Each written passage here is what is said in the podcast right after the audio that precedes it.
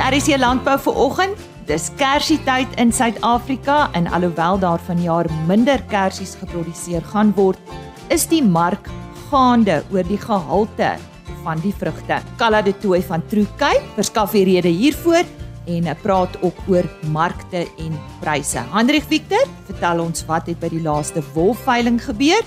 En dan is Piet Motepo van Koppies in die Vrystaat aangewys as een van die wenners van die Mentor van die Jaar toekenning in die 2023 LNR vleisbeespresteerders toekennings en uh, ons hoor wat maak hom so 'n goeie mentor. Goeiemôre, my naam is Lise Roberts. Baie welkom by vandag se RSG Landbou. Heinrich Victor ver oggend op sy pos met ons laaste wolveilingsverslag vir 2023. Ja baie dankie Lise en ook 'n hartlike goeiemôre van my kant hier uit die wolkantoor. Nou op die 15de wolveiling van die seisoen en ook die laaste van die jaar wat op 29 November plaasgevind het, is die sterk loopie van die mark tydens die vorige veiling ietwat gestuit en het die Cape Wool Merino aanwyser met 1.4% vir nie gesertifiseerde wol en ook 1.1% vir gesertifiseerde wol gedaal teenoor die vorige veiling en teen 'n skoonprys van R154.15 per kilogram en ook R174.31 per kilogram onderskeidelik gesluit. Die Australiese EMA het ook marginaal gedaal en met so 0.3% verswak teenoor die vorige veiling. Nou die effense daling in die Suid-Afrikaanse mark kan bloot toegeskryf word aan die sterker vertoning van die Suid-Afrikaanse rand tydens die veiling. Volhoubaar gesertifiseerde wol het 49% van die merino aanbieding uitgemaak met 64% van die aanbieding wat bestaan het uit goeie lengtes fyner as 20 mikron wol wat dan ook gesorg het vir goeie kompetisie onder kopershuise en 'n besondere hoë verkoopsyfer tot gevolg gehad het. Nou daar is in totaal 13899 bale aangebied waarvan 96.5% verkoop is. Moriano SA het op hierdie veiling die grootste hoeveelheid bale gekoop, gevolg deur Standard Wool SA, Tianyu SA en Lempriere SA. Nou die gemiddelde skoonwolpryse vir die seleksie binne die verskillende mikron kategorieë, goeie lang kamwol, MF5 tipes was dan soos volg. En soos jy ook al weet, onderskei ons elke keer tussen nie gesertifiseerde en gesertifiseerde wol. Kom ons begin hierdie keer met 17 mikron, nie gesertifiseer, R213.26 per kilogram. Gesertifiseer R222.02 per kilogram met 'n premie van 4.1%. 17.5 mikron, nie gesertifiseer, R202.45 per kilogram, gesertifiseer R208.71 per kilogram met 'n premie van 3.1%. Ons kyk na 18 mikron, nie gesertifiseer, R192.52 per kilogram, gesertifiseer R200.68 per kilogram met 'n premie van 4.2%. Dan kan ons loer na 18.5 mikron nie gesertifiseerde wol het verkoop vir R185.75 per kilogram. Terwyl gesertifiseerde wol 'n prys behaal het van R192.85 per kilogram en met 'n premie van 3.8% vir gesertifiseerde wol. Dan laastens kan ons loer na 19.5 mikron nie gesertifiseerde wol verhandel vir R168.08 per kilogram terwyl gesertifiseerde wol 'n prys behaal het van R174.48 per kilogram met ook 'n premie daarvan 3.8%. Nou ja, soos gesê was dit dan nou die laaste veiling van hierdie jaar. En die volgende wolveiling is dan geskeduleer vir 10 Januarie in die nuwe jaar. Nou ons wil elkeen van ons uh wolboere en ook almal wat inluister 'n baie baie geseënde Kerstyd toewens. En tot ons weer gesels, alles wat mooi is vir u en mooi loop. So sê Heinrich Victor en ek wil dan ook van die geleentheid gebruik maak om hom ook te bedank vir sy weeklikse bydrae hier in RSG Landbou. Ons het gisteroggend in RSG Landbou berig oor die LNR se nasionale vleisbeespresteerders toekenninge. Daar was sewe kategorieë en een van die kategorieë is die van mentor van die jaar.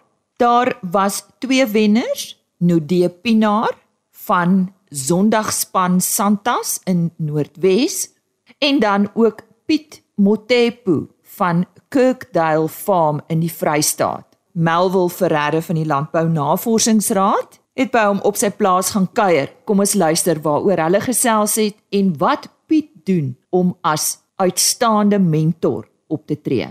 Congratulations Piet. Uh, thank you very much Melvin. What does it mean being a mentor? Yeah, thank you very much. This is a good question.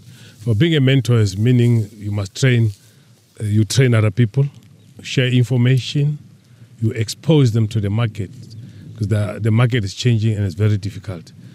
To be a mentor, you must be knowledgeable, have a general business understanding, especially in farming, preferably livestock, because we are talking about livestock now. Yeah, that is where we are.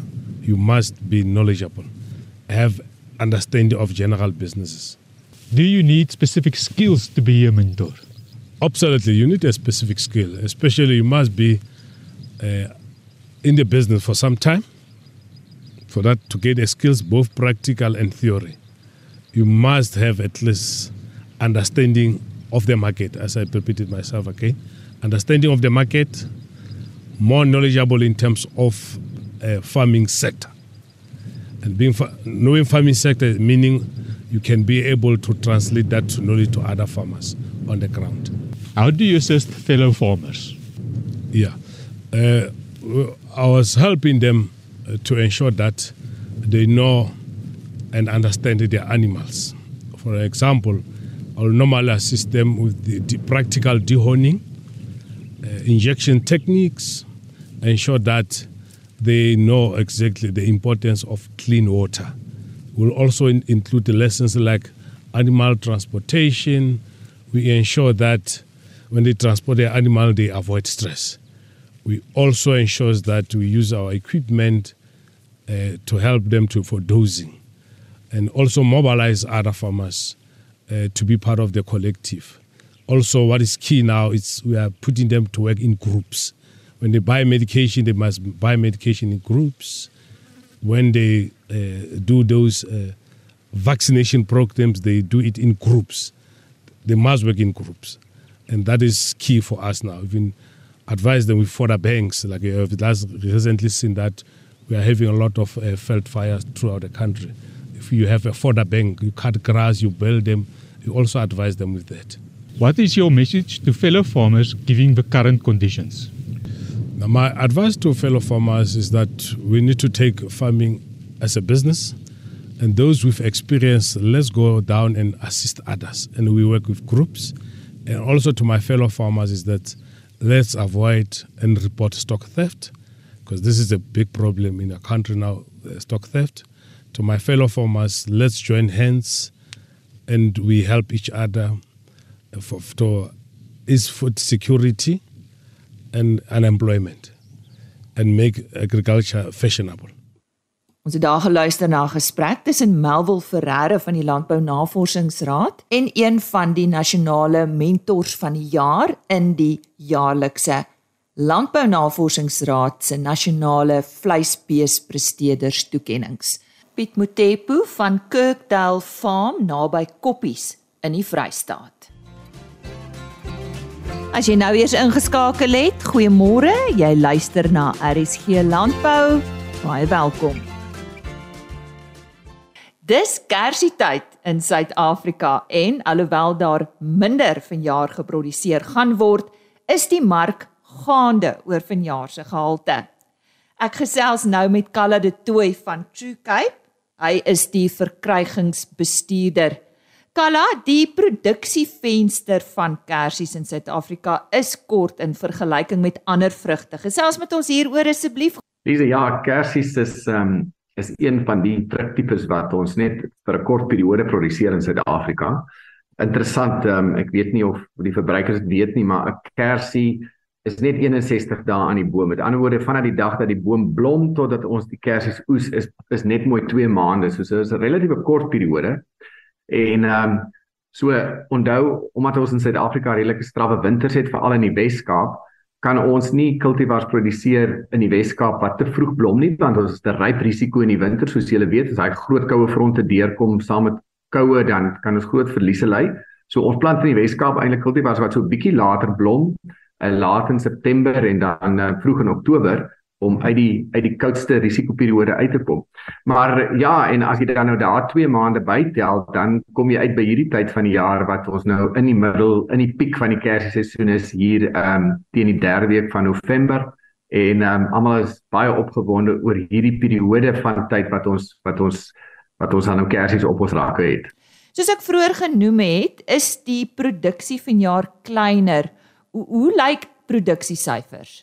Ja, weet jy, ons is nog aan die oes. So so dis dis ehm um, ons werk op hierdie stadium maar net op skattings, maar ehm um, dit is sodat baie van ons produsente in die Wes-Kaap het eintlik hulle aanvanklike skattings 'n bietjie afwas aangepas omtrent so met 20 tot 25%. So ons gaan nie heeltemal ehm um, oes wat ons aanvanklik gehoop het om te oes nie. Ons kyk na 'n totale syfer en dis bloot net 'n skatting van die Kersvereniging van so in die omgewing van 3.500 ton se produksie. Uh wat goed is. Onthou kersies in Suid-Afrika is in 'n groei fase en veral die Wes-Kaap. Ons kan nou 'n bietjie meer oor die Wes-Kaap praat wat nou die grootste kersie area in Suid-Afrika geword het. Ehm um, wat baie interessant is.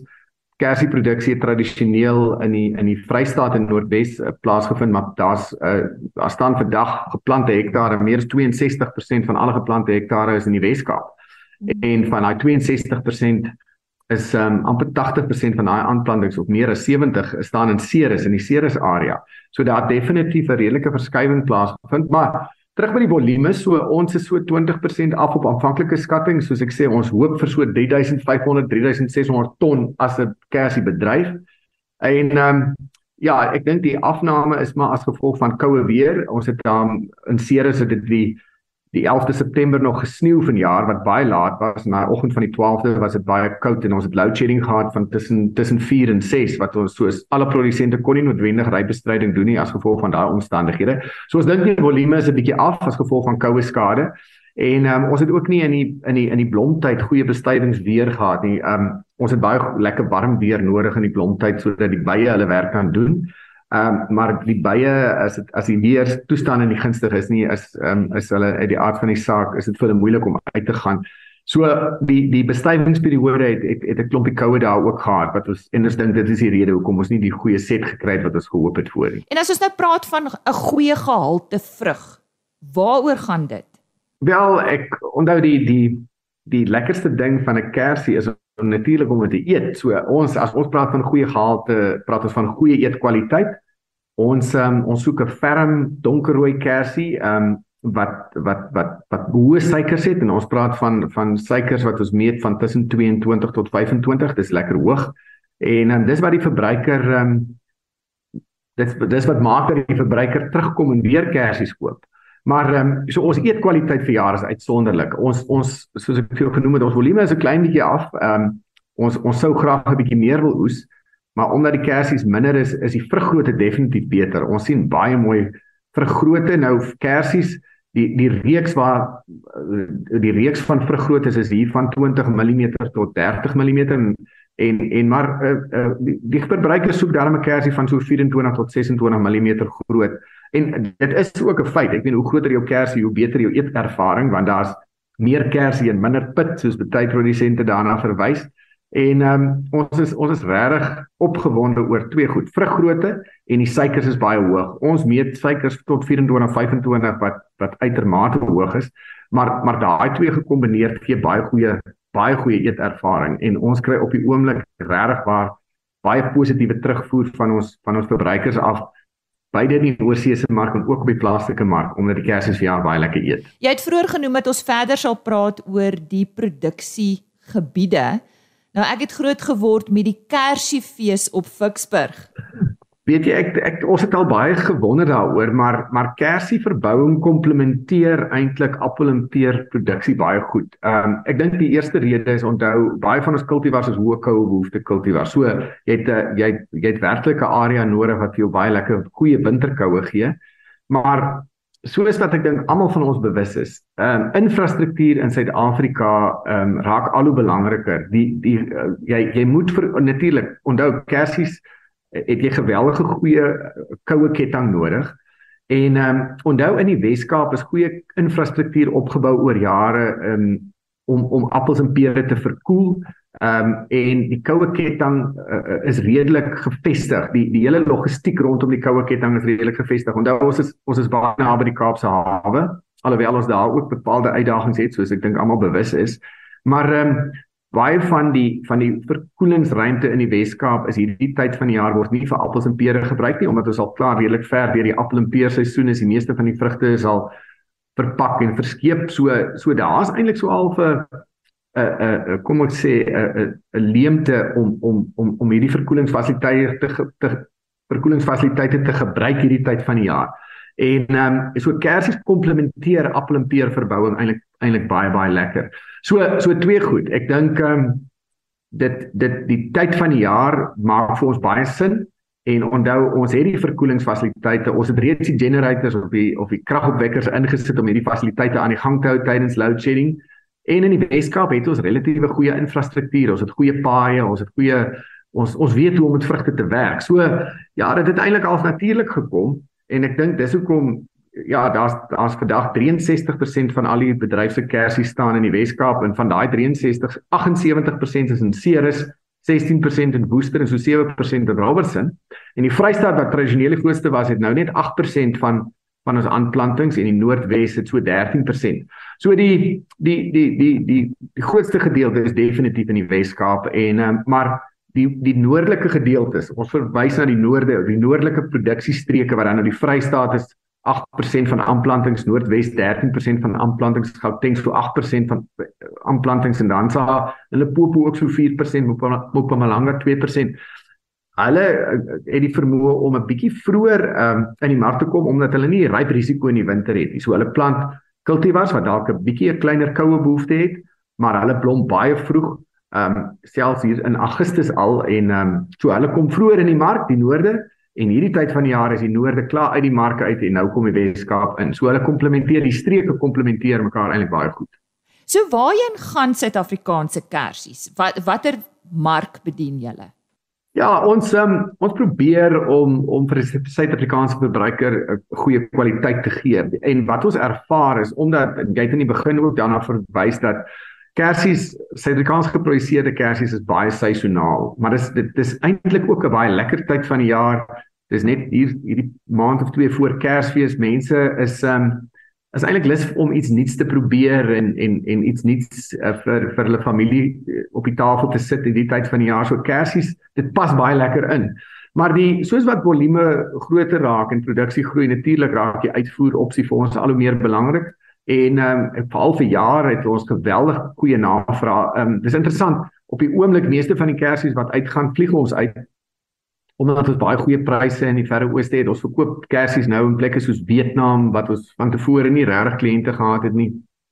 Ons verkoop in Singapore, ons verkoop in Hong Kong, ons verkoop in Dubai. So daar's daar en en wat weer eens, hoekom dit die appelbesigheid binne Troekep so lekker komplementeer. Onthou ons het gevestigde kliënte in daai markte wat ons appels en pere koop. So dis baie maklik eintlik um, om net uh, uh, nou buite die appel en seisoen appel en peer seisoentyd hierdie tipe besigheid te doen. Maar um, ons fokus binne Troekop op die oomblik is definitief nog steeds die plaaslike mark. Ek dink dit is um, ons het baie sterk plaaslike kliënte ook met wie ons 12 maande van die jaar appels en pere doen. So natuurlik wil ons vir hulle ook iets gee en en dit is baie interessant. Kersies bring altyd 'n klomp nuwe opwinding hierdie tyd van die jaar. Ehm um, so so dit komplementeer eintlik ons appel en peer besigheid baie goed. Klink vir my na uitbreidingsmoontlikhede. Beteken dit Suid-Afrika sal moet uitbrei?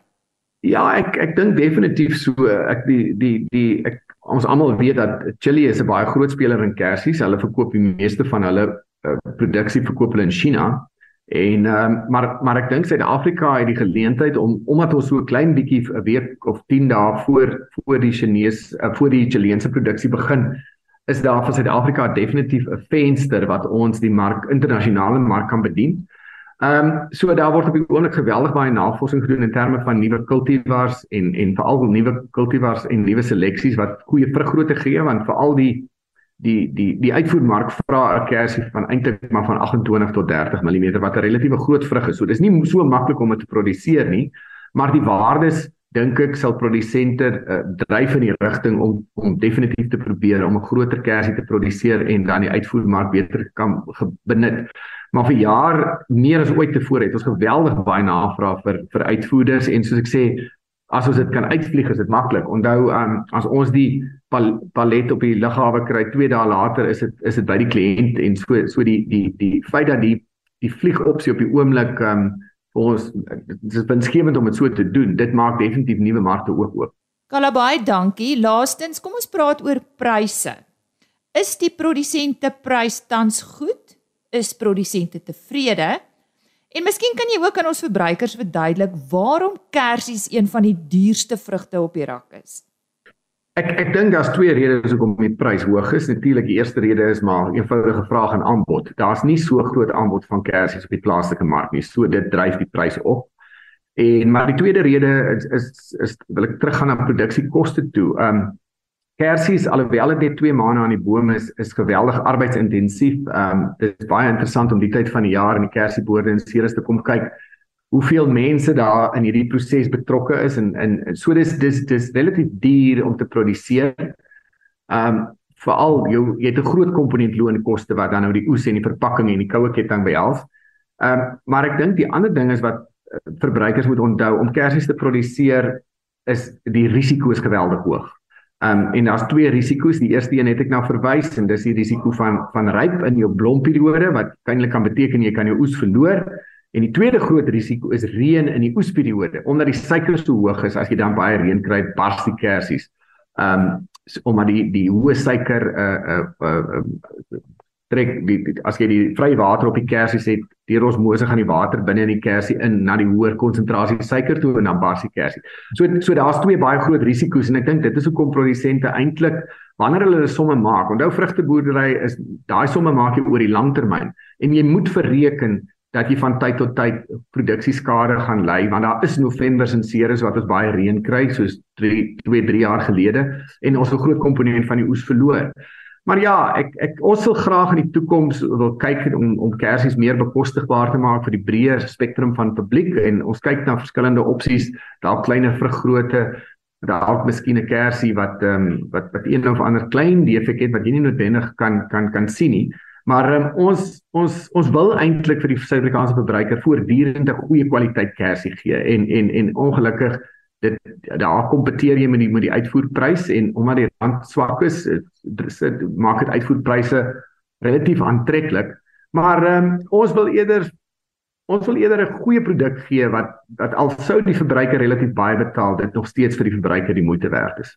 Kalla de Tooi van True Cape wat vandag met ons gesels het oor Suid-Afrikaanse kersieproduksie. Ja, dis kersietyd indien jy dit nog nie agtergekom het nie. En soos Kalla ook verduidelik het, vanjaar se kersies is uitsonderlik lekker. Kalla de Tooi, verkrygingsbestuurder by True Cape. En daarmee is dit tyd om te groet tot môreoggend 25 oor 5. Geniet die res van jou dag en onthou RSG landbou is op rsg.co.za as potgooi beskikbaar. Jy kan ook gaan kyk by www.agriorbit.com. Daar word ons onderhoude ook afsonderlik gelaai www.agriorbit.com. En uh, ja, van my Lise Robert, geniet jou dag. Totsiens. RSG Landbou is 'n plaas media produksie met regisseur en aanbieder Lise Roberts.